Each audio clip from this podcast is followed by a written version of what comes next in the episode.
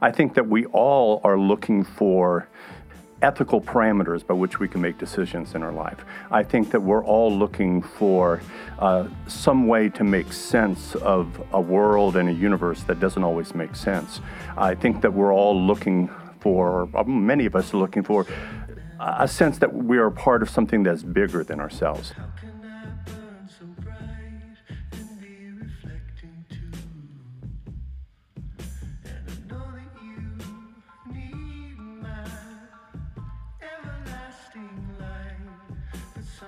Hello, and welcome back to Season 3 of Chapel Phil.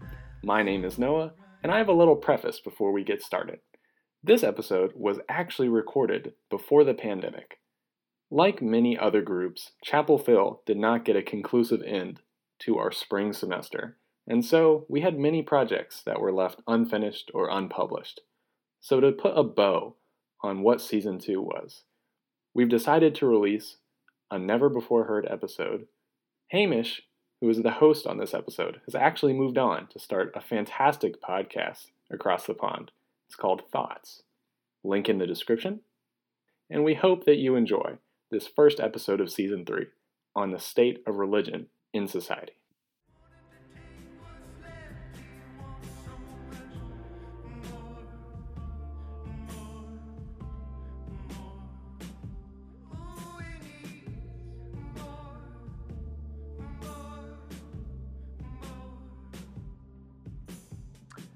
Welcome back to Chapel Phil. My name is Hamish, and here to discuss religion and society today, we have three very special guests I'm very excited about.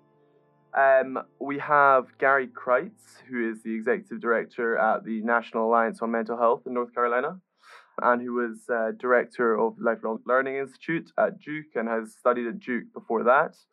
Uh, we've got Mary Elizabeth Hanchey, who is a pastor at the United Church Chapel Hill a little bit closer to home, and was a law grad actually um, at UNC. And even closer than that, still, we have Pavel Nichovsky, who is a philosophy student uh, here at UNC with interests in ethics and metaethics. Hello, everybody. Hello. Thank morning. you for being here. Hi. Okay, so just I think maybe a good place to start, seeing as we are talking about religion, might be just a quick uh, description of everyone's religious backgrounds. So, Gary, if I could start with you. I come from a Christian background. Um, I my standing as an ordained minister is a congregational Christian. Uh, I I come from the conservative version, very similar to what the United Church of Christ is. Um, I come from a mainline tradition, but am currently an evangelical Christian. Um, I also have a PhD in religion from Duke University, where I studied early Christian asceticism under Liz Clark. Interesting, awesome. Mary, Elizabeth. Um, I grew up in North Carolina as a Baptist and as a progressive Baptist. Both of my parents are ordained Baptist pastors. Um, and I went to divinity school at Duke. Um, and my ordination is also in a Baptist church, and it's at Watts Street Baptist Church in Durham, which is a part of the progressive um, Baptist movement. My current job is at the United Church in Chapel Hill, which is a United Church of Christ, UCC, um, which is a congregationalist tradition that is not um, that different from a lot of the traditions of the Baptists Okay, Pavel. Yeah, um, so I I have a slightly different background. I, I was born in Bulgaria, which is why I have this weird name and this thick accent. Um, but I moved to the States when I was nine. Um, nominally in Bulgaria, everyone is quote unquote Christian, but it's Bulgarian Orthodox. But the history of communism left pretty much everybody a religious. Uh, I remember growing Okay, up yeah. That religion was just like a thing grandmas did around Easter. Um, so I didn't have any of this stuff. I was baptized Bulgarian Orthodox at nine, but that was literally because our neighbor convinced my mom that if we died on the plane, something terrible would happen. Okay. So we, we all did that as a formality. It was weird. A Yeah. man with a big beard dipped me in a in a plastic tub. Yeah. Um, but yeah, all that is to say is that when I um, when I moved here, um, I found out everyone was religious, and I Yeah. wasn't, and that never really changed. I yeah, I've had a very similar experience. I, I'm from the UK. Um, yeah, it was Ash Wednesday yesterday. People were wearing the, the ash crosses on their head. I didn't even know what that was because in in the UK, I guess we're a bit more of a secular society now. So yeah, I and I am also sort of somewhere between agnostic and atheist as well. Okay. Awesome. Right. So the first very heavy question I've got, but hopefully it'll get lighter, is how can we justify God and religion? Give me more of what you mean by justify. We might go down like a scientific route, or we might even just talk about like a uh, like a personal justification or like a subjective um, justification for religion. I would suggest that even if a person is not a, a member of an organized religion, or even with a personal belief in God, uh, that doesn't mean that they're necessarily not religious. You know, the whole concept of religion, of religio, is of scruples, of um, principles, of, of awe. And I think that's something that the entire human experience has in common. I think that we all are looking for ethical parameters by which we can make decisions in our life. I think that we're all looking for uh, some way to make sense of a world and a universe that doesn't always make sense. I think that we're all looking for, many of us are looking for, a sense that we are part of something that's bigger than ourselves. Mm. Now, for some people, that doesn't lead necessarily to an organized religion. To me, it does. To me, it re- it leads to a belief in God. But I don't think many people are a religious. Yeah, I think that um, the question about justifying God or religion, it, it often comes out of concern for like all of the bad things that happen to people and all of the bad things that happen in the world. And so I think a lot of times the question about justification is more of a question of if there's a God, how can these things happen?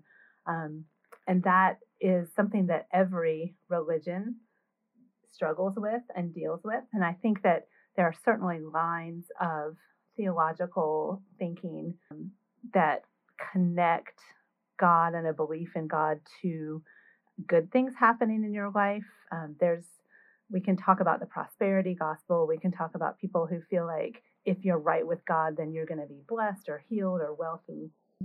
And that gets some attention sometimes yeah. when people want to argue about, well, bad things happen, so there must not be a God. Um, but that that strain can show up in all kinds of philosophies and thinking, um, but is not, in my experience, the um, scaffolding for a, a, solid Christian theology or a solid um, theology at all. Yeah, I, would have to agree with uh, both uh, Gary and uh, Mary Elizabeth. Um, I think Gary, as far as your your your general um, claim that yeah, if, if, religion is taken to be broadly concerned, very few people are such. I mean, I I know I try to make sense of the world, uh, and that led me to philosophy. Um, but same with you know this searching for a wonder of uh, a sense of awe. Um, mm-hmm. I've definitely the closest I felt to religion is in the presence of beauty, right? Mm-hmm. So I definitely agree. If, if, if we make it that broad, um, I'm on board. And I also agree that it's not um, the the things that bring people to religion are not these worries about uh, pay. You know, the um, why do bad things happen? Sometimes that that is the case. Um, I think that a lot of times that's how people come to religion uh, through this stuff. But I, I think that rarely is the foundation, at least in my experience, of why people do that. Um, I, I, I, too have a, a, a, kind of, I'm still not sure what it means to justify God or religion. I, especially if you believe in God, I would have thought that doesn't need justification. It is, it is what it is. Um, maybe if you mean like, why would one be justified in believing? Um, yeah. Okay. God, yeah. Yeah. Maybe that's yeah. a better way of putting it. Yeah. Yeah. I have to let other people speak to that. Then talking slightly more about like religion in society and religion as we see it today. Um, how can we see religion's impact on society and society's impact on religion in good or bad terms? How what's the relationship between those things been like? And has re- religion in your guys' eyes been been good for society? I have had the unique opportunity of growing up in the South, which is um, a society in which there is the presence of a lot of people who are actively religious, who are actively involved in either their churches or their synagogues um, or their mosques. So in this region, oh, so much of what happens that is good or bad is yeah. comes out of of people of faith who are acting in a particular way. Um, so I yes, there are some very good ways that religion has impacted society, and yes, there are some really horrible ways um, that religion has impacted society. And that comes from just a real um, disparate set of beliefs about what mm. who God is in the world and what God requires and what um, suffering means about God. I think that any any good thing has within itself the seeds of being terribly abusive as well. I think it's part of the human condition. We are capable of sublime beauty. We're capable of immense good. We're also capable of tremendous evil. And I think religion, as part of the human experience, is part of that. I mean, there is a a long history of abuse that occurred in the in the in the name of religion, mm. whether it be the Crusades of the Christian religion or whether it be uh, many other things. I think the problem is we have a tendency to say because there was some bad that came out of something, therefore it's illegitimate. And I don't think that's the case because I think there's also good that comes out of it. Um, I think that uh, Christianity um, specifically, which is my religion, but religion in general, has a history of taking care of the poor, of working yeah. for social justice, of working on health care. I think Christianity in particular religion in general brings ethical questions to the table that need to be asked. Mm-hmm. Uh, if we take an entire section of society and say the questions and the principles that you bring because they are religious are not a part of the discussion we yeah. lose something tremendously and so i think all things have within themselves the seeds of being good or bad you know when when einstein did special and general relativity at the beginning of the last century i mean it's it was a, an incredible breakthrough, it was also the source of what would become incredible evil. Sure. Uh, with specifically when I think about some positive things that have come out of Christian movements, specifically in the U.S. I mean, I think I'm I'm I'm thinking specifically about the United States and maybe even the South. Um, Christians have been at the center of the civil rights movement. Um, Christianity was the driving force for Martin Luther King, and there were a lot of white Christians that were at the center of that movement. And that was not based just on um, sort of a common ethical understanding about people's value, but the belief that God created people and they have this intrinsic value that is rooted in this creative love.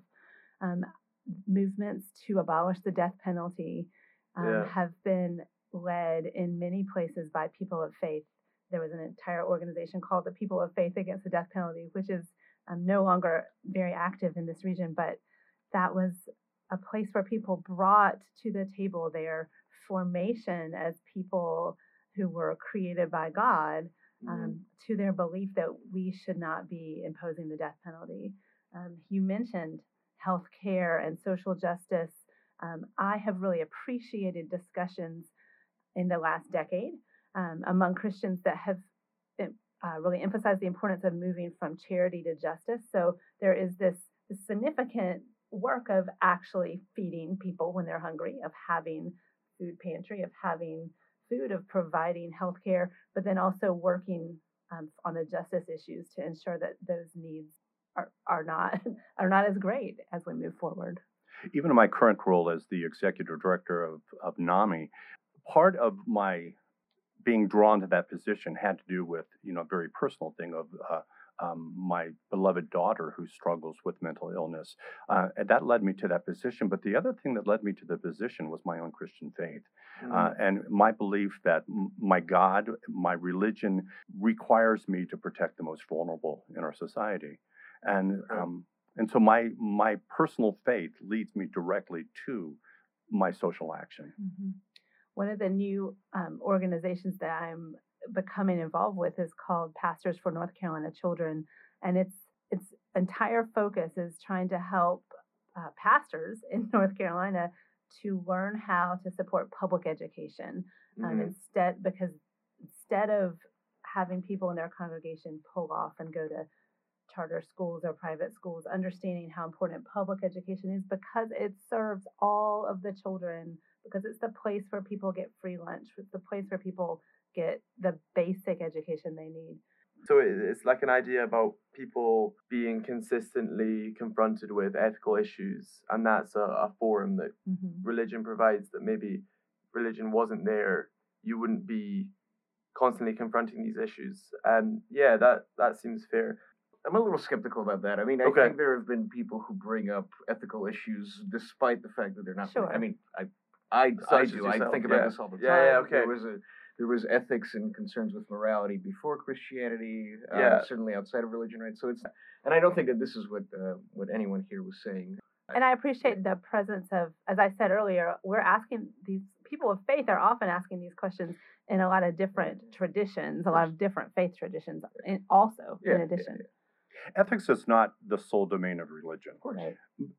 But what I would argue is that if you remove religious people from that discussion, you're removing a, uh, a dimension that I think is critical, and I think that over historically has done some really remarkable things, done some really horrible things as well. Yeah. Uh, the danger is when we- in our society start to say there are certain voices that cannot be heard. Are you worried that, that, that this is the case? Do, Yeah. do do do you feel that uh, evangelical Christians, for example, are being excluded from this? I think depending on the circle in which you are, I think it's not only evangelical Christians, but I think progressive Christians in other areas, people that people of different religions or, or of no faith are excluded in certain things. We have come to a period of our society, I think, where there's such an intransigence, such an inability to, to talk and listen to each other. I think one can hold their beliefs and hold them sincerely and still recognize the value and find commonality. Um, when I was still at Duke, I taught a course with the um, United Church of Christ chaplain uh, on campus. He and I probably are on opposite sides of the fence on nearly every social, political, religious issue. Yeah. And yet, we taught a class called A, a Conservative and a Rel- uh, Liberal in Religious Dialogue. Um, because it came out of our deep love for each other. And we found out that we actually had much more commonality that we originally had known, but we also grew to respect the right for the other person to push back strongly with, from what they believe. I think that's the kind of discussion that's needed in our society. So, in answer Pavel, I, I do think that, that depending on what neighborhood you're in, voices are always being excluded. No, I, I- and I think uh, I, I should say uh, my experience has been similar to yours, where I've actually had incredibly fruitful, uh, incredibly rich friendships with uh, with religious folks, and and I do I've had this experience where we can we're able to find common ground. Um, I found it in a lot of ways, even paradoxically, um, some some people that I disagree with profoundly on matters like this are more tolerant of hearing out my opinion than than other folks who agree with a lot of stuff on there.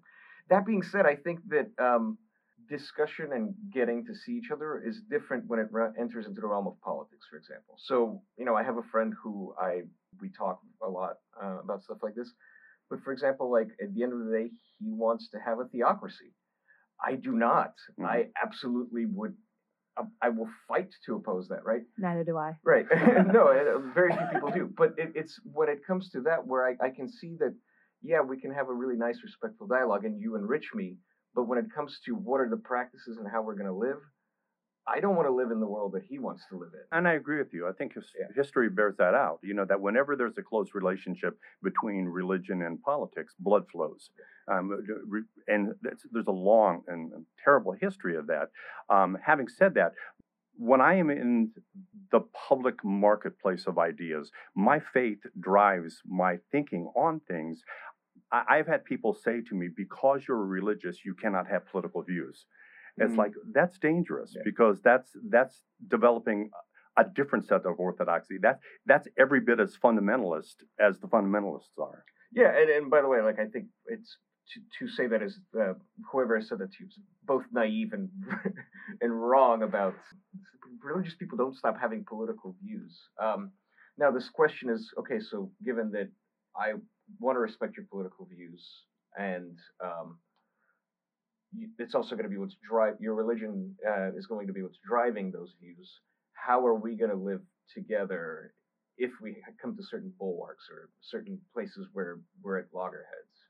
Well, I love to talk about the separation of church and state and religious liberty. Yeah. Okay. Um, let, let's. Let's do that. Yeah. So I, uh, Baptists have long been really vocal and articulate um, advocates for the separation of church and state.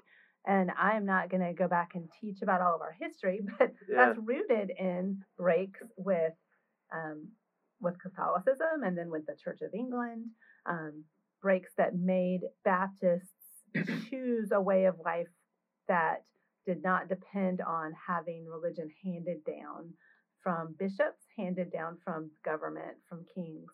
Um, and so that has informed both the way I went to law school and the way I went to divinity school.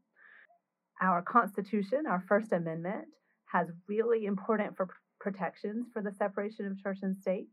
Um, it has really important protections for the church and for the state. And I think that as a Christian, I am concerned about both.